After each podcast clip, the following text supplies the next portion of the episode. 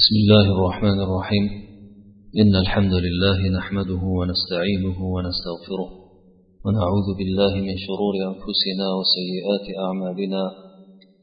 من يهده الله فلا مضل له ومن يضلل فلا هادي له. وأشهد أن لا إله إلا الله وحده لا شريك له. وأشهد أن نبينا محمدا عبده ورسوله. صلى الله عليه وسلم وعلى آله وأصحابه أجمعين ومن تبعهم بإحسان إلى يوم الدين. سبحانك اللهم لا علم لنا إلا ما علمتنا إنك أنت العليم الحكيم. اللهم علمنا ما ينفعنا وانفعنا بما علمتنا وزدنا علما وعملا يا رب العالمين. آمين.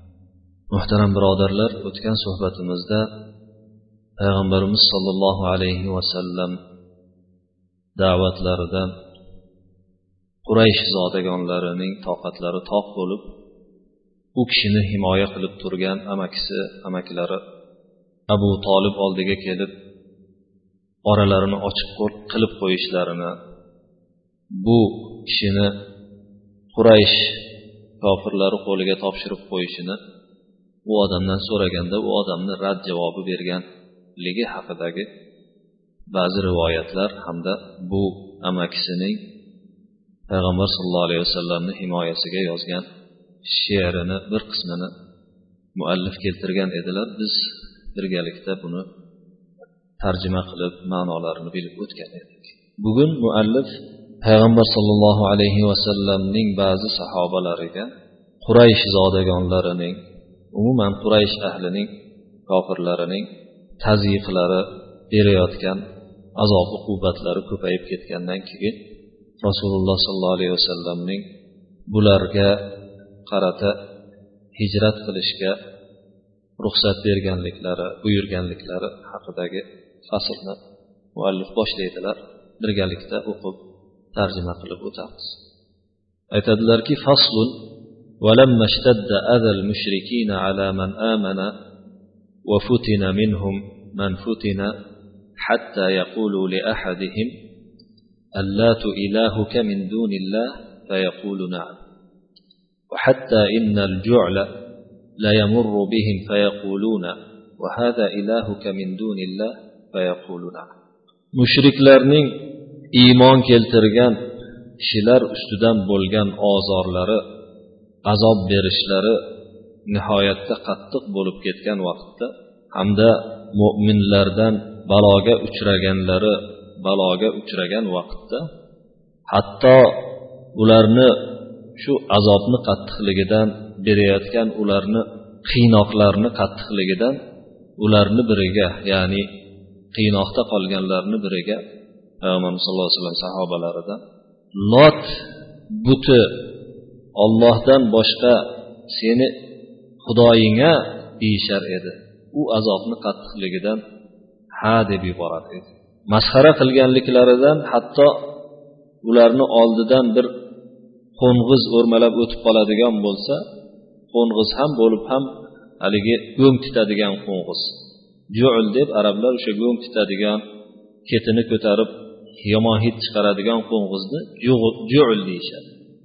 O'shanaqa qo'ng'iz o'tib qoladigan bo'lsa ular azoblab turganlar qiynoqqa tutib turganlar mana shu ollohni o'rniga mana shu seni xudoyinga deyishardi azobni qattiqligidan ha deb javob berardi. Haligi azoblanayotgan sahobiy mana shunaqa bo'lib ketganda deb buni javobini keltirmayaptilar. Ya'ni payg'ambar sallallohu alayhi vasallam oxirida mana shunaqa azobni qattiq bo'lganida keyin rasululloh sallallohu alayhi vasallam ruxsat berdi degan hali so'z keladi. Keyin o'rtada muallif ba'zi rivoyatlarni qo'yishga o'tyaptilar aytyaptilarki عن ابن عباس أن هذه الآية نزلت في عمار حين عذبه المشركون حتى يكفر بمحمد فواقف فوافقهم على ذلك مكرها وجاء معتذرا إلى النبي صلى الله عليه وسلم وأنزل الله هذه الآية ومن كفر بالله بعد إيمانه إلا من أكره الآية mufassir atiya al avfiy ustozlari ibn abbos roziyallohu anhudan rivoyat qiladilarki ushbu oyat ya'ni hozir kelajakda hozirgina keladigan oyat ammor ibn yosir haqida nozil bo'lgan mushriklar u kishini azoblagan vaqtda to muhammad sollallohu alayhi vasallamga kofir bo'lib ya'ni muhammad sallallohu alayhi vasallamni payg'ambarliklarini inkor etgunga alloh subhanahu va taoloni haqiqiy iloh ekanligini inkor etgunga qadar mushriklar uni azobga qo'yib qiynoqqa solib turishganda u kishi majburan chor nochor bunga muvofiq bo'lib ularni gapini tasdiqlaganlarida nozil bo'lgan o'sha oyat. Keyin payg'ambarimiz sollallohu alayhi vasallamga hali oyat nozil bo'lmasdan ilgari uzr aytgan holda mana shunaqa bo'lib qoldi deb kelganlarida alloh subhanava taolo o'sha oyatni nozil qildi. Bu oyat shunday deydi man kafara billahi min ba'di imanihi. Kimki alloh subhanahu va taologa o'zining iymonidan so'ng ya'ni iymon keltirganidan so'ng kofir bo'ladigan bo'lsa oxirrog'ida keladi alloh taoloni unga g'azabi bo'ladi. Azobi qattiq bo'ladi jahannamda abadiy qoladi degan nimalari keladi. Bu yerda oyatni oxirini keltirmayaptilar. Keyin o'rtasida istisno keladi. Ya'ni illa man ukriha va qalbuhu mutmainnun bil iymon qalbi iymon bilan xotirjam bo'lgan holda qalbidagi iymon zarra bo'lsa ham orqaga chekinmasdan majbur qilinadigan kishilar bundan mustasno degan oyat nozil bo'ldi. Shu ammor ibn yosirni azoblari qiynoqqa tutilishi tufayli. ورواه البيهقي أيضا وفيه أنه سب النبي صلى الله عليه وسلم وذكر آلهتهم بخير وأنه قال يا رسول الله ما تركت حتى سببتك قال كيف تجد قلبك قال مطمئنا قال إن عادوا فعد إمام بيهقي rivoyat qiladilarki o'zlarini sunani kubrolarida undagi rivoyatda kelishicha bu kishi ya'ni ammor ibn yosir payg'ambarimiz sollallohu alayhi vasallamni o'sha qiynoqlar sababli majburan so'kadi. Hamda ularni ilohlarini maqtaydilar yaxshilik bilan zikr qiladi. Shunda rivoyatda kelishicha payg'ambarimiz sollallohu alayhi vasallamga yo rasululloh men hech sizni so'kmagunimcha azobdan qoldirilmadi tashlab qo'yilmadi. Sizni so'kkanimdan keyin meni qiynoqdan to'xtatishdi deyishgan deganlarida payg'ambar sallallohu alayhi vasallam qalbingizni qanday topasiz? dedilar. U kishi qalbim xotirjam iymonda deb javob berdilar. Shunda payg'ambar sallallohu alayhi vasallam agar yana sizni shu sababli azoblashga harakat qilishsa siz o'sha gapingizga yana qaytavering. Ya'ni meni so'ksangiz zarar qilmaydi degan rivoyatni qiladilar. Yuqoridagi rivoyat ham avfiyni ibn abbos roziyallohu anhudan rivoyatlari ham. Bu rivoyatda ham biroz zaiflik bor lekin bir birlarini inshaalloh quvvatlab xususan oyatni ma'nosini quvvatlab keladi.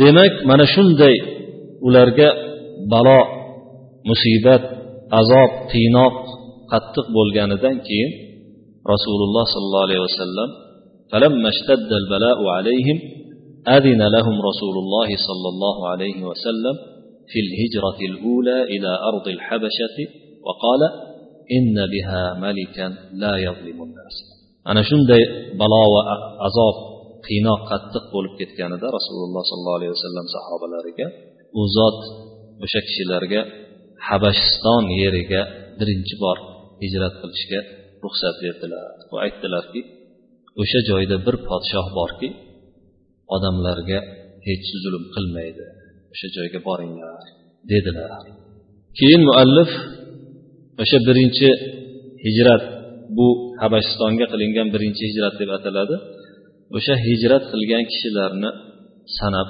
o'tadilar aytadilarki وكان أول من هاجر إليها عثمان بن عفان ومعه زوجته رقية بنت رسول الله صلى الله عليه وسلم habashistonga birinchi bor birinchi bo'lib ya'ni habashistonga o'zi ikkita hijrat bo'lgan o'sha birinchi hijratda birinchi bo'lib hijrat qilgan kishi kishilar ichida usmon ibn affon roziyallohu anhu bor edilar o'zlari bilan birga ayollari ruqayya rasululloh sollallohu alayhi vasallam qizlari ruqayya bor edilar Deydilar va abu huzayfata ibn utbata va imroatuhu sahlatu bintu suhayb usmon ibn affon tarjimai holini endi bilasizlar. payg'ambar sallallohu alayhi vasallamni ulug' sahobalaridan bittalari bo'ladilar to'rtta xalifalar roshid xalifalarning ya'ni xulafoi roshidinlarni uchinchisi hisoblanadilar. Payg'ambarimiz sollallohu alayhi vasallamni ikkita qizlariga uylangan ketma ketma ket ya'ni birdaniga emasu birinchi ayollari vafot etgandan keyin rasululloh sollallohu alayhi vasallam yana bir qizlarini berganlar.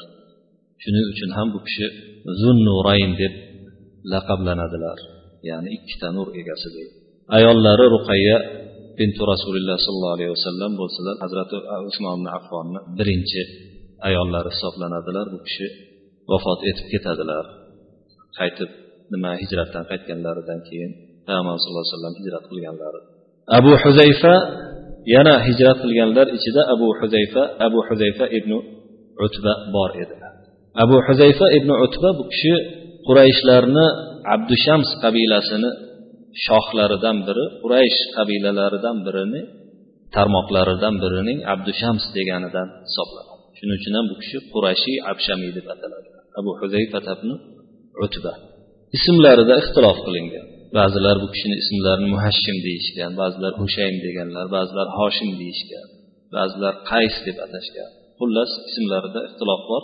Kunyalari bilan mashhur o'sha hijrat hijrat ikkita hijratda ham qatnashganlar. Mana birinchi hijratda mana muallif zikr qilyaptilar ikkinchida ham qatnashadilar. Ibn ishoqni aytishlaricha bu kishi qirq to'rtinchi bo'lib musulmon bo'lgan kishilardan musulmon bo'lgan kishi hisoblanadi.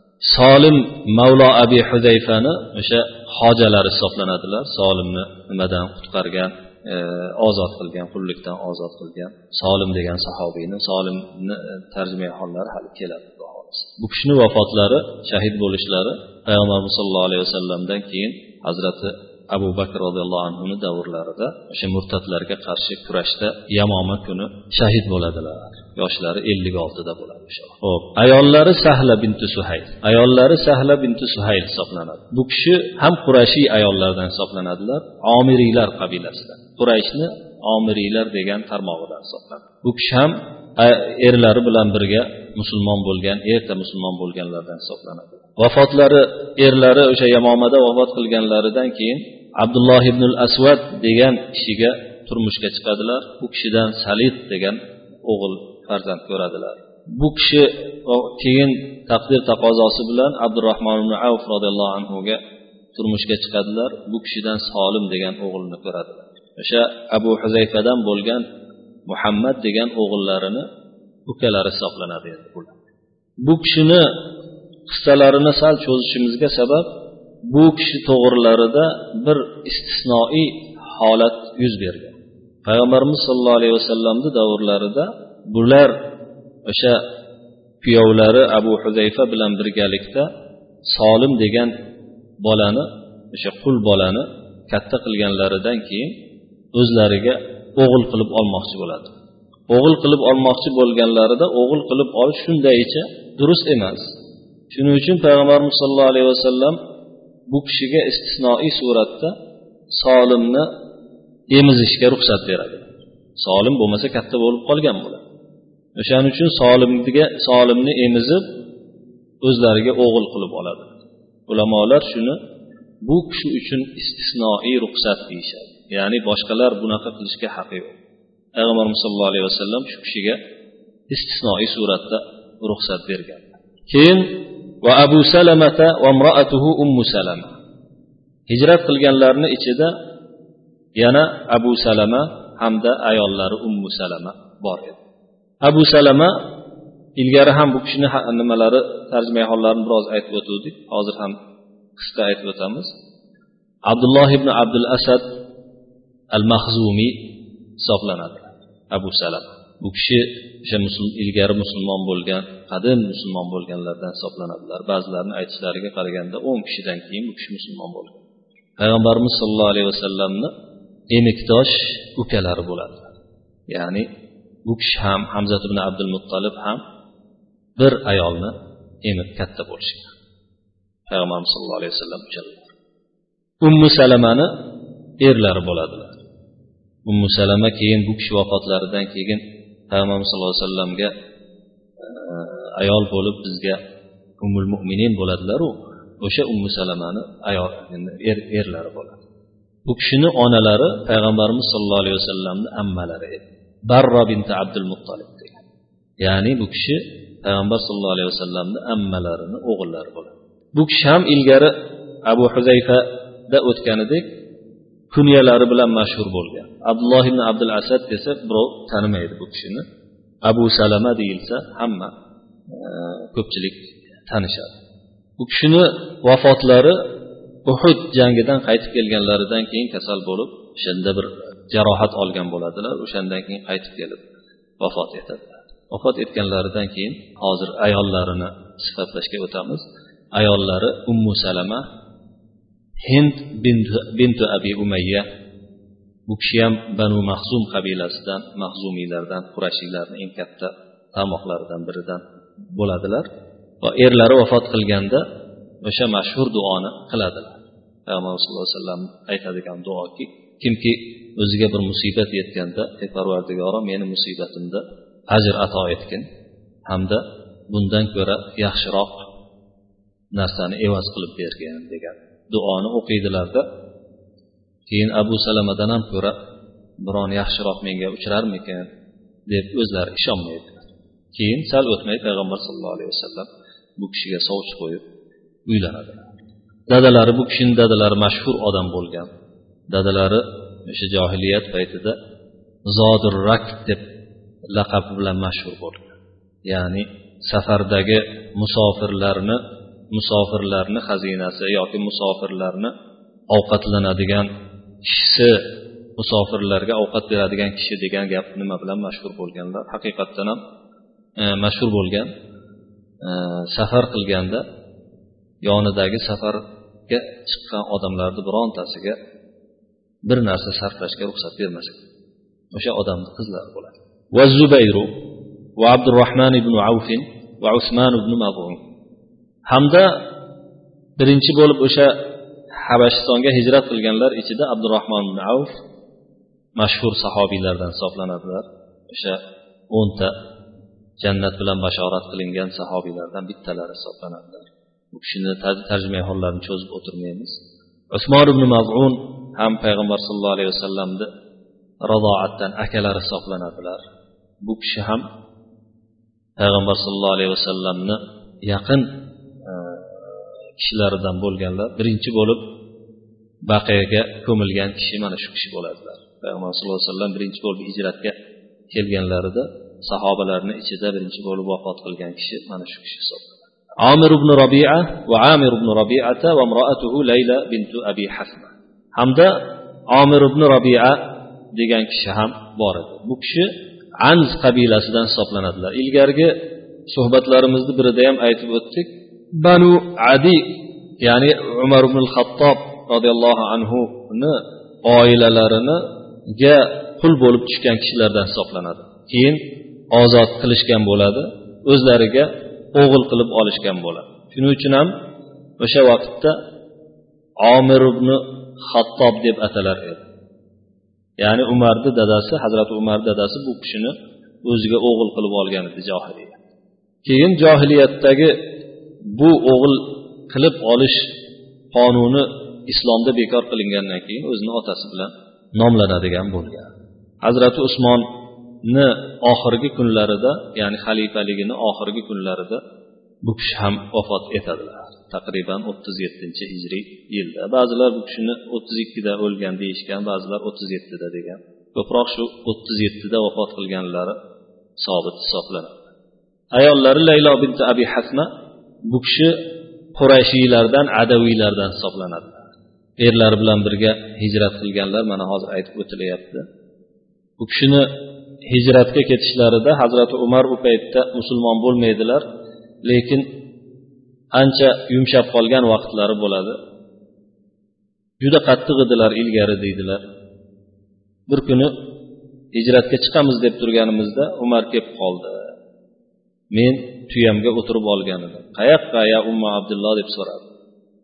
Bizni dinimizda bizga juda ko'p ozor yetkazdinglar. Endi ollohni yerida biz qayoqqa bo'lsa ketamiz dedi. Shunda ha olloh birga bo'lsin sizlar bilan deb ketib qoldilar deydilar.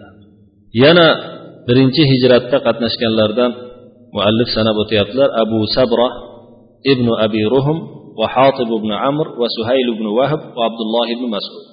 Hammalari mana shular. O'n besh kishi to'rtta ayol o'n birta erkak kishi.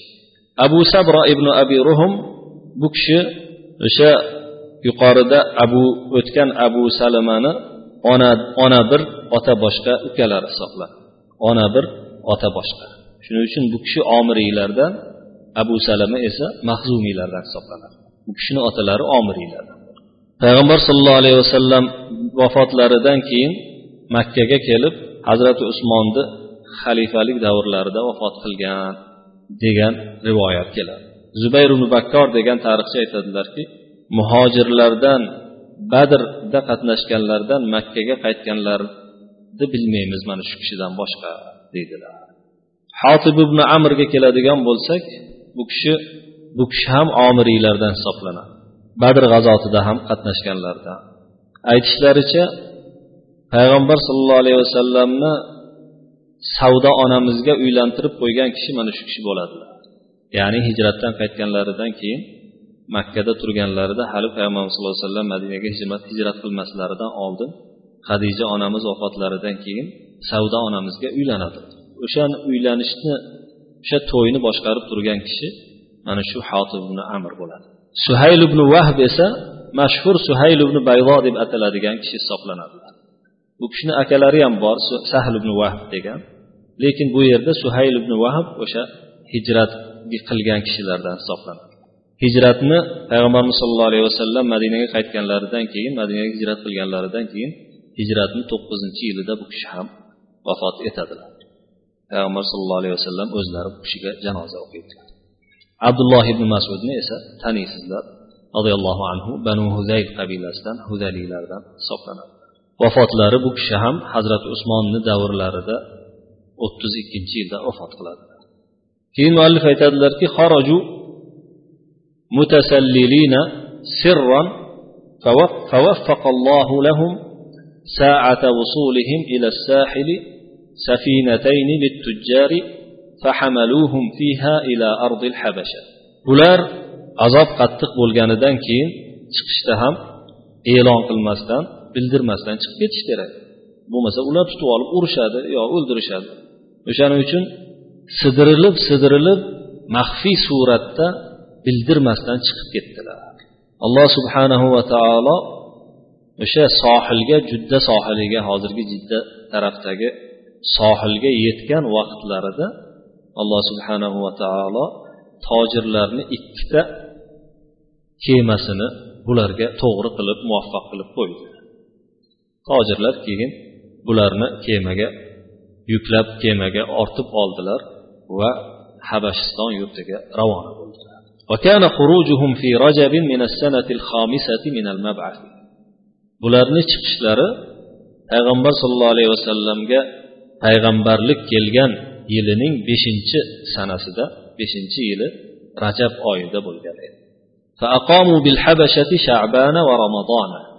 rajab oyida bo'lgan bo'lsa ular habashistonda shabon oyi hamda ramazon oyini o'tkazdilar ramazon oyida turdilar shabon va ramazon oylari وخرجت قريش في آثارهم حتى جاءوا البحر فلم يدركوا منهم أحدا quraysh bularni hijrat qilganlarini hijrat tomon ketganini e, habashiston tomon ketganlarini eshitib qolib yetib olaylik deb bularni izlaridan dengizgacha yetib keldilar tashqi nimadan makkadan chiqib dengizga yetib keldilar dengizda biror kishini ushlay olmadilar dengizda topa olmadilar ثم رجعوا إلى مكة في شوال فلما بلغهم أن قريشا صافوا رسول الله صلى الله عليه وسلم وكفوا عنه keyin bu sahobalar o'n besh kishi makkaga shavvoldayoq qaytib yubordilar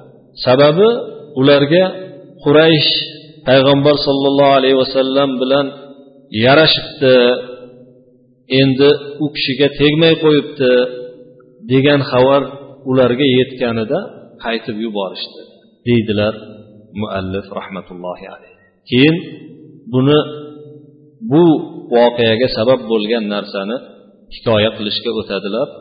Buni hikoyasida ba'zi bir voqealar keladi o'sha voqealarni sharhi ancha cho'zilib ketishi munosabati bilan shu yerda suhbatimizga yakun yasaymiz keyingi suhbatda inshaalloh buni davomini qilish nasib qiladigan bo'lsa birga davomini inshaalloh o'qib tarjima qilib sharh berib o'tamiz inshaalloh وسبحانك اللهم وبحمدك أشهد أن لا إله إلا أنت أستغفرك وأتوب إليك وصلى الله وسلم وبارك على نبينا محمد وعلى آله وأصحابه أجمعين. والسلام عليكم ورحمة الله وبركاته.